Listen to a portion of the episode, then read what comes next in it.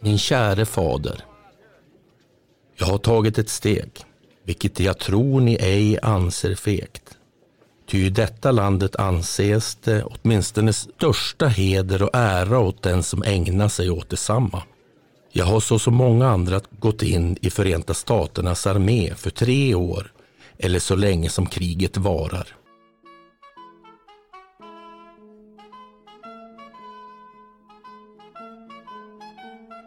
Hej och välkomna till Arkivpodden Dokumenten berättar och vår andra del i vår poddföljetong Olofs dröm om Amerika. Jag heter Martin Ahnström och med mig i studion har jag Jim Hedlund.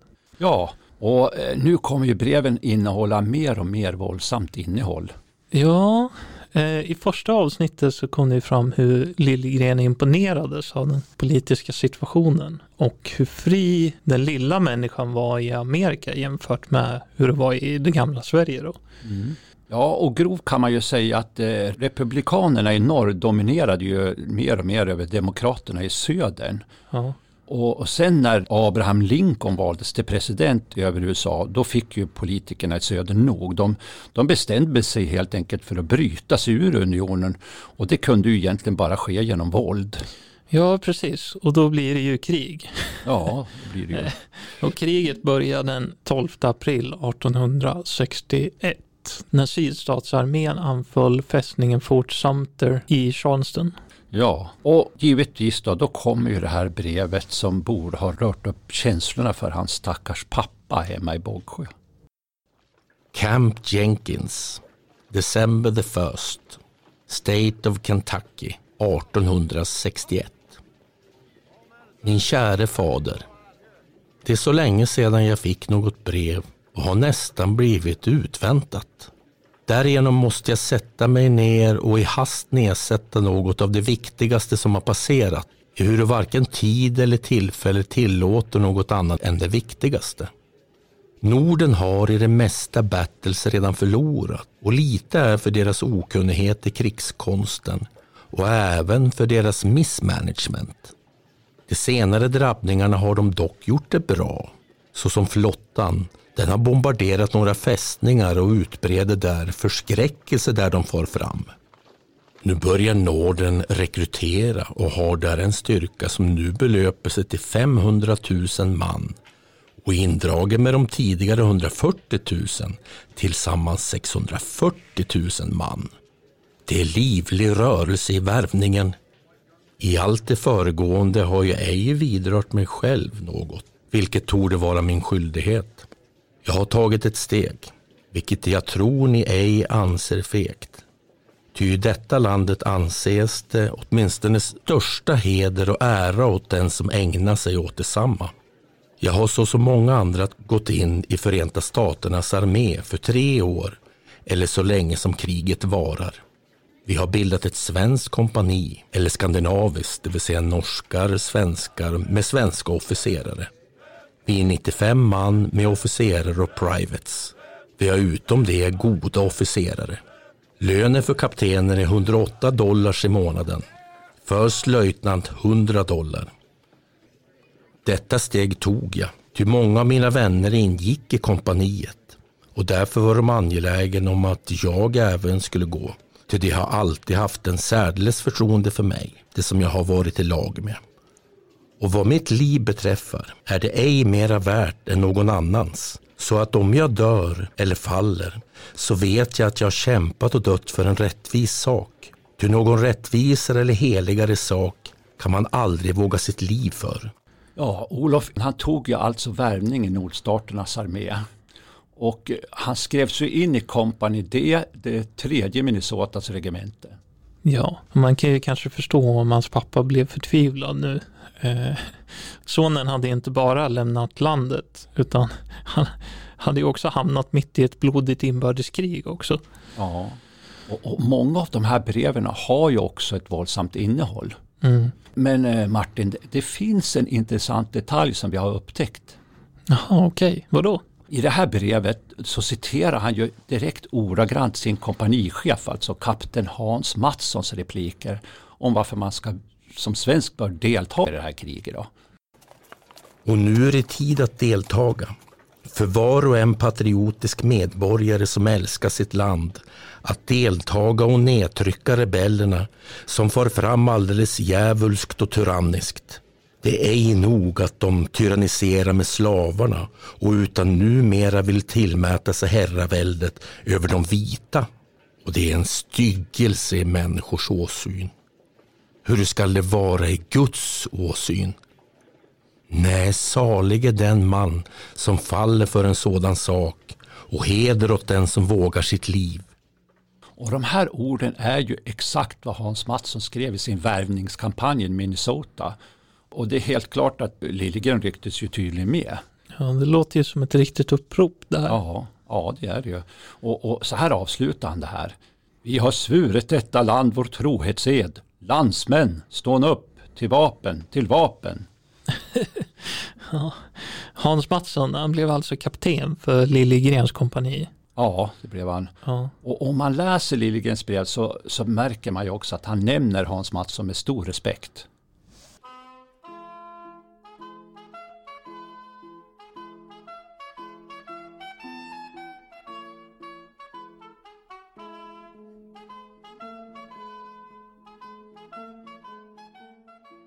Entusiasmen är ju stor och han imponeras ju av de här stora enorma truppstyrkorna som grupperade sig för att en gång för alla sätta sydstatsrebellerna på plats. Jag blev inröstad till sergeant och i natt har jag tjänstgjort på vakten såväl som många gånger förut. Och vi, i det svenska kompaniet, är utropat för det bästa av det tredje Minnesota-regementets kompani.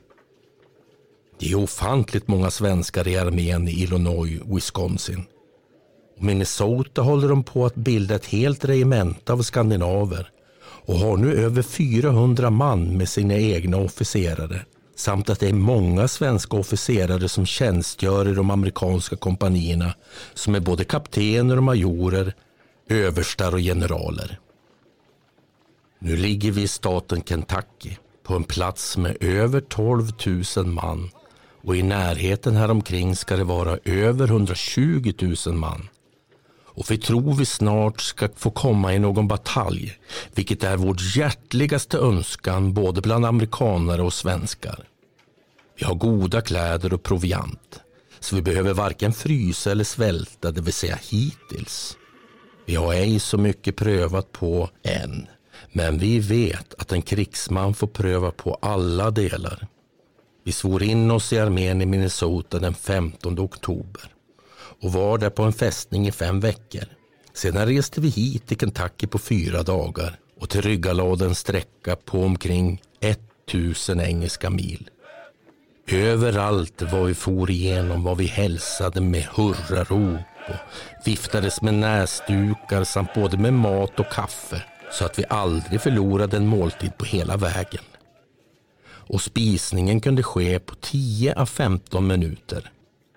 Imorgon kommer vi att resa kan hända längre i söder för att bevaka en järnvägsstation. Ingenting särdeles att berätta annat än en fortfarande god hälsa och tusendefalt hälsningar till alla släktingar, vänner och bekanter och mest till leder samt alla mina syskon. Skriv mig till som allra först så att jag får höra hur ni mår tecknad eder tillgivne son. Olof Liljegren, sergeant Minnesota, Third Regiment. Undra ej på min dåliga skrivning, ty jag har ej särdeles gott tillfälle sen rensen är mitt skrivbord. De här sista raderna i brevet, det är precis som att han rapporterar direkt ifrån fronten till en tidning eller någonting. Mm. Rensen är mitt skrivbord. ja, det är en fin beskrivning. Ja visst, det är ju så häftigt. Så ja. Men det här med amerikanska inbördeskriget. Man mm. säger ju att kriget är det, det krig som krävt flest dödsoffer bland amerikanska soldater någonsin. Ja, det, det, är det faktiskt. Det här amerikanska inbördeskriget det varade ju mellan åren 1861 och 1865. Och då skördade det mer än 600 000 soldaters liv. Men, men man ska komma ihåg också, även det kanske var mer än 50 000 civila som dog.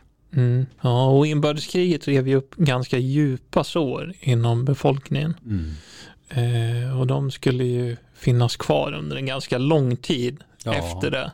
Inska. Jag menar, även idag så kan man ju fortfarande se effekter av det i USA. Mm. Den här uppdelningen mellan nord och syd och sådär, den finns ju fortfarande.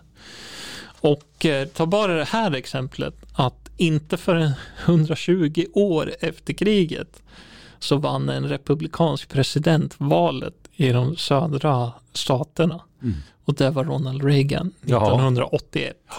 Ronald Reagan, ja. ja. Det är, det är ganska lång tid efter inbördeskriget. Ja, visst är det det. Ja, det här kriget ledde ju helt klart till mycket bitterhet och hat, det har du ju rätt i. Mm. Men det fanns en stor positiv effekt av det. Jaha, okej. Ja, det, det var faktiskt det här kriget som satte punkt för slaveriet i hela Nordamerika. Tack Ja, och just det. lov. Just det. Orsaken till detta kriget ska jag med få ord säga att då vi föreslog president Lincoln så var de emot honom och föreslog en av deras största slavägare som hyllade slaveriet och deras orättvisa principer. Lincoln valdes till president och fick de flesta rösterna av folkmassan, men ingen från de södra staterna. När de fick veta att Lincoln var vald protesterade de däremot och beslöt att skilja sig från de Förenta Staterna eller så kallade United States. Och att sen alla slavstater skulle förena sig till ett särskilt presidentdöme eller republik, göra sina egna lagar och styra allt efter eget behag, så tog de governments property, eller allt som hörde till United States. De tog fartyg, kanoner, gevär, ammunition, förråd av alla och rövade bort kassan. Sen de bombarderade fästningen Port Sumter som är i Charlestons Harbor. Då södern på ett sådant orättvist sätt hade bemött Norden och till på köpet hade börjat kriga fann United States sig tvungen att först utkalla en armé av 75 000 man och trodde det skulle vara nog för att nedkrossa rebellerna. Men det var icke nog. Rebellerna var starkare än man kunde tro.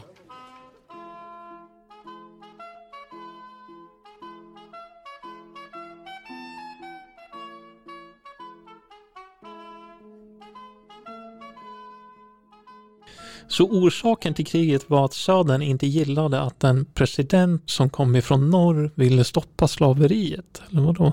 Ja, ja, det är lite mer komplext än så här.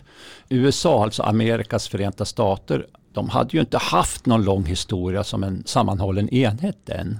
Och när det här kriget startade 61 så var det liksom en ganska ung nation egentligen. Mm.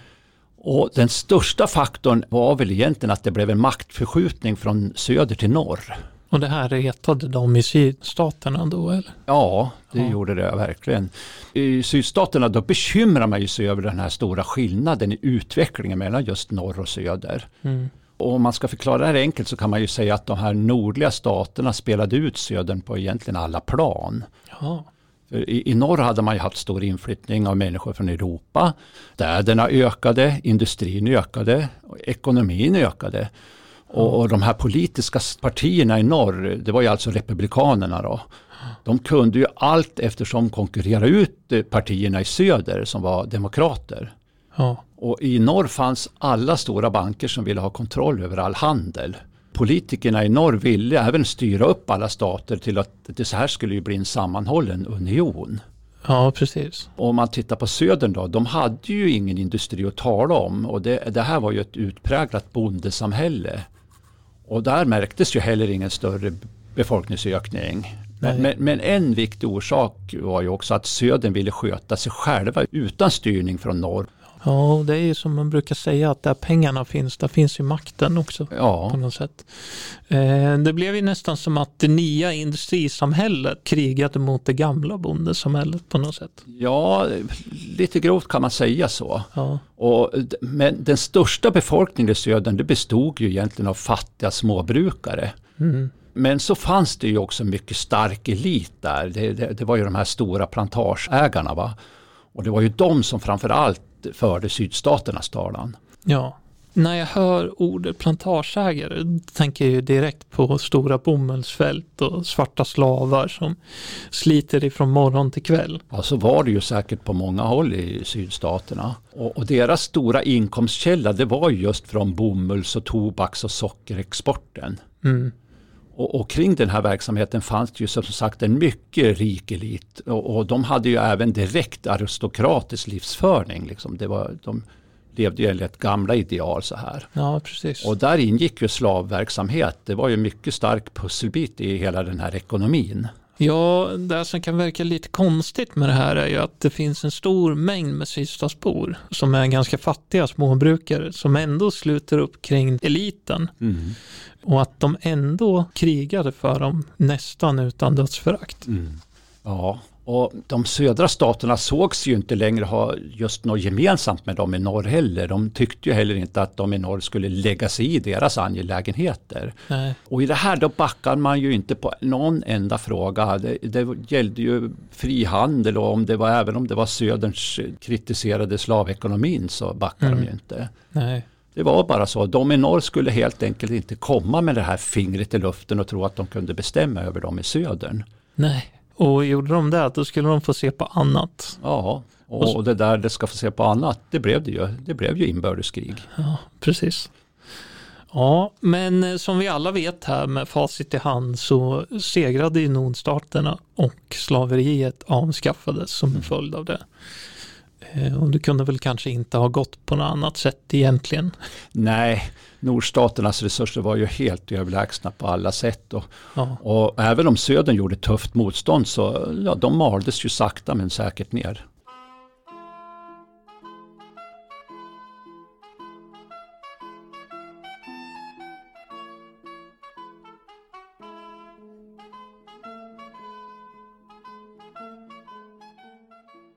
Många av breven som Olof skickade hem måste ha satt igång egna inre bilder och inte minst diskussioner kring bordet hemma i hemlandet.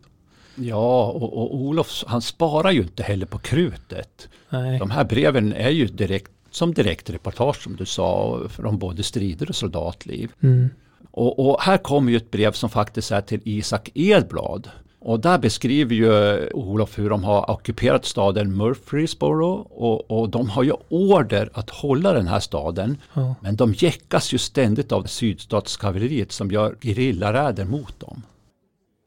Murfreesboro, May the 14th, 1862. Min käre Edblad. Jag får tacka så mycket för det välkomna brevet som jag riktigt bekom från eder den elfte dennes. I vilket jag finner att ni alla mår bra, vilket gläder mig mycket. Även får jag berätta samma för min del. Jag får nu berätta lite om vår närvarande ställning. Vi är nu i medelparten av Tennessee, vid en stad som heter Murfreesboro. Och ingenting annat än frånskiljare omkring oss. Eller sådana som är otrogna till Förenta Staternas governmente och nästan alla dugliga män är i Söderns armé. De flesta är Morgans Cavalry som fightar häromkring och rövar farmare och United States egendomar och anfaller smärre trupper, förstör järnvägen och så vidare. Vi har en längre tid väntat på anfall och gått på åtskilliga expeditions för att anfalla honom. Men han vågar sig icke fram. Ett kavalleri som hörde till vår brigad slogs med honom i stad 25 mil härifrån som heter Lebanon och de tog 163 fångar och dödade många utav dem. Men de kunde icke hålla honom tills vårt infanteri kom. Följaktligen så flydde han. Vi har blivit utkallad flera gånger och trodde att vi skulle få se honom, men förgäves. Somliga gånger mitt i natten då officerarna har kommit och kallat på oss och sagt att fienderna var nära intill vår kamp. Vi har blivit narrad så många gånger så nu tror jag icke längre på det förrän vi står i riktig strid med dem. Man märker ju att Liljegren var otålig och ville vara med om ett riktigt slag här. Mm. Han ansåg att den gerillaföring som sydstaterna förde var fegt. Eh, men om han hade tillhört sydstaterna så hade han väl sagt att det var ett slukt drag och liksom strategiskt. Mm. En smart taktik. Hade det inte förekommit större slag på andra håll i det här laget? Ja visst var det så och, och, när han nämner, ja jag må ju ta upp det här, han nämner också att rebellerna skriver ju han då.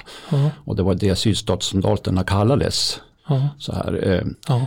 men eh, han skriver också att de var ju starkare än man kunde tro. Och i norr, först då, då trodde man ju norra att det här kriget skulle ju vara över snabbt. Det var liksom, det här tar vi snabbt. Och, och nordstaterna hade ju mer än dubbel befolkning. De hade ju på cirka 20 miljoner befolkning. Och så en stark växande ekonomi som jag nämnde och industrin och det här. Mm. Eh, Sydstaterna låg ohjälpligt efter. De hade en befolkning på 9 miljoner. Mm. Och, och, och liksom utvecklingen var de ju efter på alla fronter då. ja, visst. Vissa hade ju inga skor, de slogs barfota. Nej, man har hört om det. Men, eh, men efter det här första slaget som kom vid Bull Run vid Virginia, då var det ju liksom 32 000 man från sydstatsarmén som fullständigt krossade nordstaternas armé på 35 000 man.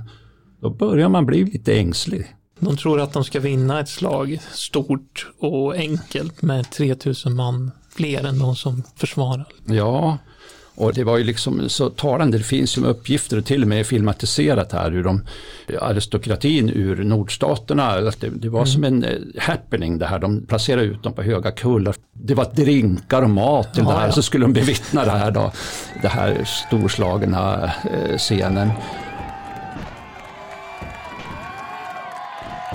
Och det blev fullständig panik när de ser att det gick ju inte alls som Nej, de trodde. De fick ju fly hals över huvud därifrån.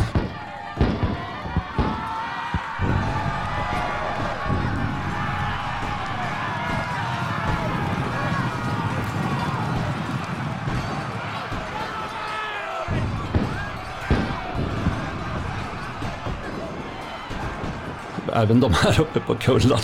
Så här. De, de satte kaffet i halsen. Ja, det här deras- hade de inte Nej, väntat sig liksom. nej, inte riktigt. Mm. Mm. Och Liljegren avslutar sitt brev så här till Edblad. Lincoln fann sig ytterligare tvungen att utkalla en annan armé av 125 000 man. Allt sammans belöpande sig till 200 000 man.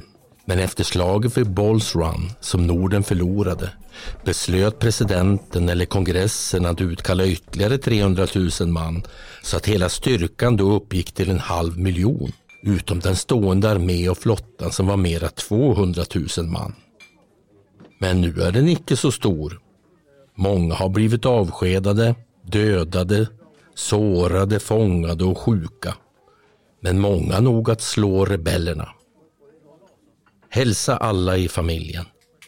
Hjärtligen från eders vän. Olof Liljegren.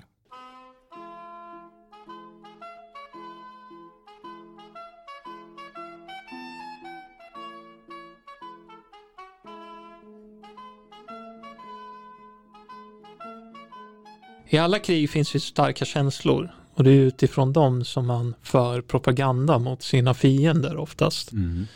Det gäller ju att piska upp ilska och hat hos de egna trupperna för att bekämpa fienden. Liksom.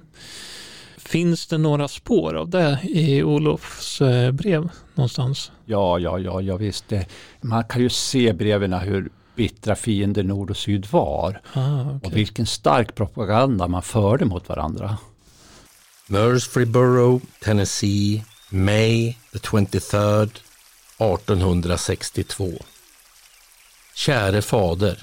Den 15 dennes bekom jag äntligen ett mycket kärkommet brev igen ifrån eder. Jag har nu i de senare tider trott mig vara alldeles bortglömd både av eder samt andra, såväl släktingar som vänner. Jag är full av tacksamhet till eder för de hjärtligt kärkomna breven som jag har bekommit. Både det sista såväl som det andra som är den enda källa varifrån jag har inhämtat något om fäderneslandet. Och synnerligast det sista som medförde många nyheter. Byn syntes till ha undergått en total omskapning och tillika brattån. Således som jag skulle komma dit nu skulle jag ej känna igen den. Ytterligare finner jag i brevet hur rysligt och bedrövligt ni anser att min position såsom soldat i Förenta Staternas armé är. Men kunde ni läsa engelska tidningar skulle vi troligtvis stå på samma grund, ty den som känner separatisterna i botten predikar annat. De som känner deras barbarism och tyrannism inom södra staterna innan kriget utbröt. Hur många utav våra landsmän bara som har blivit mördade på gatan på ljusa dagen ehuru tusende män som på sådant vis oskyldigt och oftast ovetande på sådant vis medes skjuten eller med bavekniv i kroppen utan den minsta orsak därtill. Nu sedan kriget utbröt så har de tvingat folket in i armén. Antingen kriga för deras orättvisa sak eller hängas, skjutas, kastas i fängelse eller dylikt. Icke fruntimmer en gång skonas från barbarism. De bindas, kläderna dragas upp, ryggen taggas som raskar upp skinnet och blodet forsar. Jämmer, skri och elände och ingen pardon. Egendomarna brännes upp och förstörs av kringströvande rövarband. Järnvägar ruineras, broar brännas. Så fort som de retirerar kommer vår federalarmé efter och reparerar allting. Vi försvarar deras egendomar, hjälper dem med föda såväl som med annat. Ingen skillnad om de är trogna Norden eller Södern. Och vi har stränga orders att icke privategendomar får förstöras eller röras. Sådana principer före vi kriget på. Om vi sköter deras sårade lika skulle sköta våra. Södern däremot dödar dem på slagfältet med att pröva sina bajonetter. Fångarna som vi tar hålles en del på det bästa hotell. Andra däremot på väl inredda rum med alla bekvämligheter. Men de fångar som faller i deras händer blir vi inspärrade i uthus. Obekvämliga var som det icke finns en stol eller ett säte att sitta på, knappast något att äta. Rysligt hur långt barbarism kan gå och ändå ska det vara ett civiliserat land. Nej, var icke ledsen över att jag är i armén. Ni bör känna er högfärd över att ha en son som har hjärtat i bröstet och mod att strida för en sådan sann och rättfärdig sak. Mod att bära svärdet till att hämnas de tyrannerna, dessa gudsförtaktare eller djävulens avskum. Ja, det är ju inte svårt att ta ställning efter de här brännande kommentarerna. Nej. Eh, Olof Liljegren avskydde verkligen rebellerna. Ja, nej, de hade han ju inte mycket till övers för. Nej. Och, och, och, han fortsätter ju brevet med att berätta om nordstaternas överlägsenhet och om eh, alla deras framgångar som deras armé radade upp. Mm. En plats som heter Corinth, som vid Mississippi där rebellerna har 180 000. Våra styrkor är där omkring 200 000 eller mer. Vi har tagit in alla järnvägar och floder, eller avskurit all communication dit in så varken ammunition eller proviant eller förstärkning kan komma till dem. Även den Grand Army av Potomac som sägs ha lämnat Richmond är i samma ställning, så vi har anledning att tro deras roll är utspelad. Men det kan hända att många slag är att vänta ännu. Häromkring fruktar vi mest deras rövare cavalry som far i skogarna var som helst och går fram här och där i städer och byar för att stjäla och röva från invånare. Vi har varit utkallat mitt i natten ibland med den glada förhoppningen att få komma i strid med dem. Men alltid förgäves hittills. Ett regemente som är i samma brigad som vi slog ner 800 av dem och tog 163 fångar och dödade mellan 50 och 60. Några av våra blev dödade och sårade men blott få, ty vi har goda gevär som skjuter både långt och säkert. Sinnesstämningen ibland våra trupper är en längtan efter slag. Men hur kunde ett sådant hat uppkomma oss emellan? Ja, bara för de inte fick den president de ville ha. Att som vi vet presidenten har ingen rätt att styra folket, stifta lagar eller dylikt utan det avgörs av representanterna på kongressen enligt röstning. Så lika gott vilken som blev president.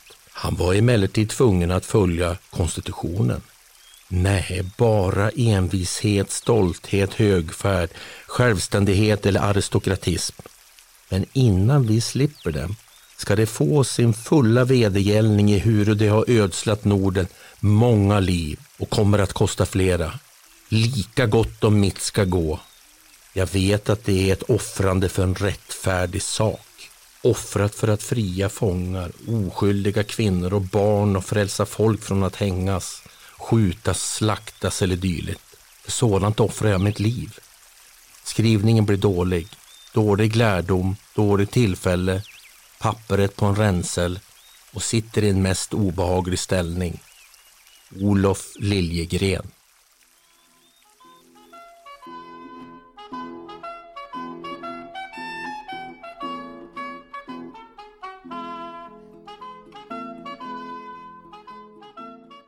Man brukar kalla det här illdådspropaganda. Mm. Eh, när man gör så här. Men, men, en sån propaganda använder man ju sig av från båda sidor. Så var det ju. Ja. Och det heter ju så här att krigets första offer är ju sanningen. Så det gäller ju att läsa sånt här källkritiskt. Ja, verkligen. Och jag tänker ju på hur han beskrev situationen. I flera av breven så låter det som att det var rena barnleken att slåss mot sydstatsarmén. Mm. Visst låter det så, men uppenbarligen var det inte så lätt om man tänker på hur länge kriget var och hur mycket folk som dog i det. Nej.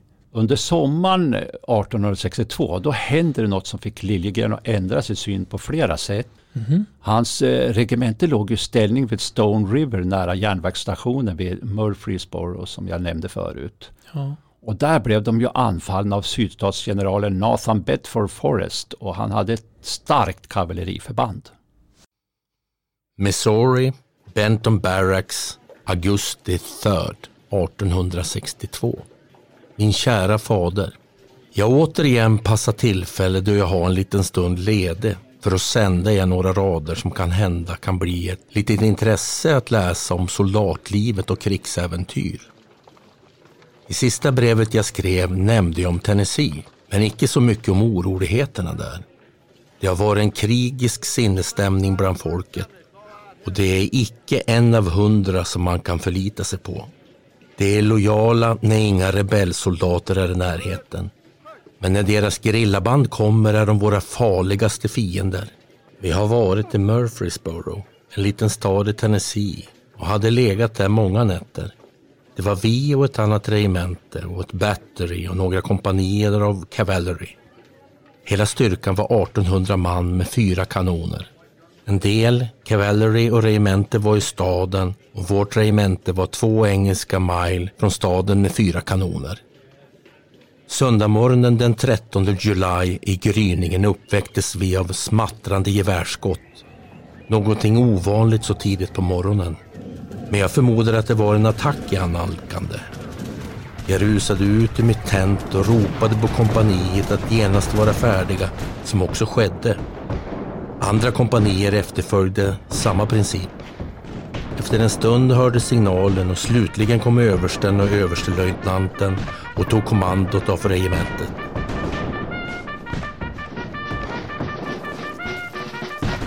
Och så fort vi var uppställda fick vi se fienderna komma till häst som skulle vara 2500 man stark, men även bönder som hade beväpnat sig.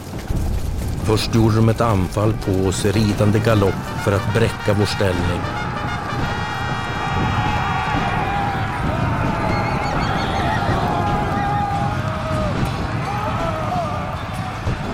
Men alla som kom inom skotthåll dödade vi. Sen började de även skjuta, men våra bussar gick längre än deras. Våra kanoner begagnades livligt. Eldbommar exploderade mitt ibland dem. Vi stod således i vår ställning till ett på eftermiddagen. Skjutningen mer och mindre livlig. Somliga gånger skarpt och emellanåt med långa intervalls. Till slut kommer en rebell med parlamentär flagga och yrkade att vi skulle surrender. Och han talade även om att det andra regementet som låg i staden hade surrender klockan nio på förmiddagen. Han talade med oss om omöjligheten för 700 man att slåss med 3000 man och bättre att undvika slaktning så mycket som möjligt. Vår överste, som var så rädd om var man i regementet, var genast villig att surrender men kallade ett möte av officerare och röstning antogs. Följden blev att vi surrender.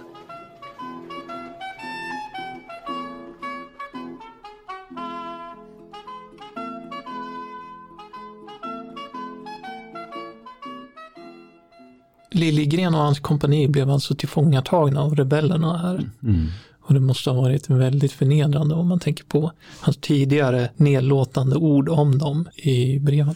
Ja visst, och, och, och, det här blev också en chock för deras regementchef, alltså han vi nämnde förut, Hans Mattsson. Mm -hmm. Han var vid det här tillfället sjuk hemma och, och låg hemma i Chicago. Han fick ju läsa om den här händelsen i ny, en nyhetstidning. Ja. Och eh, jag kan ju nämna att överste Lester och de här övriga befälen som beviljade kapitulationen, de sparkades ju sen senare. Det här.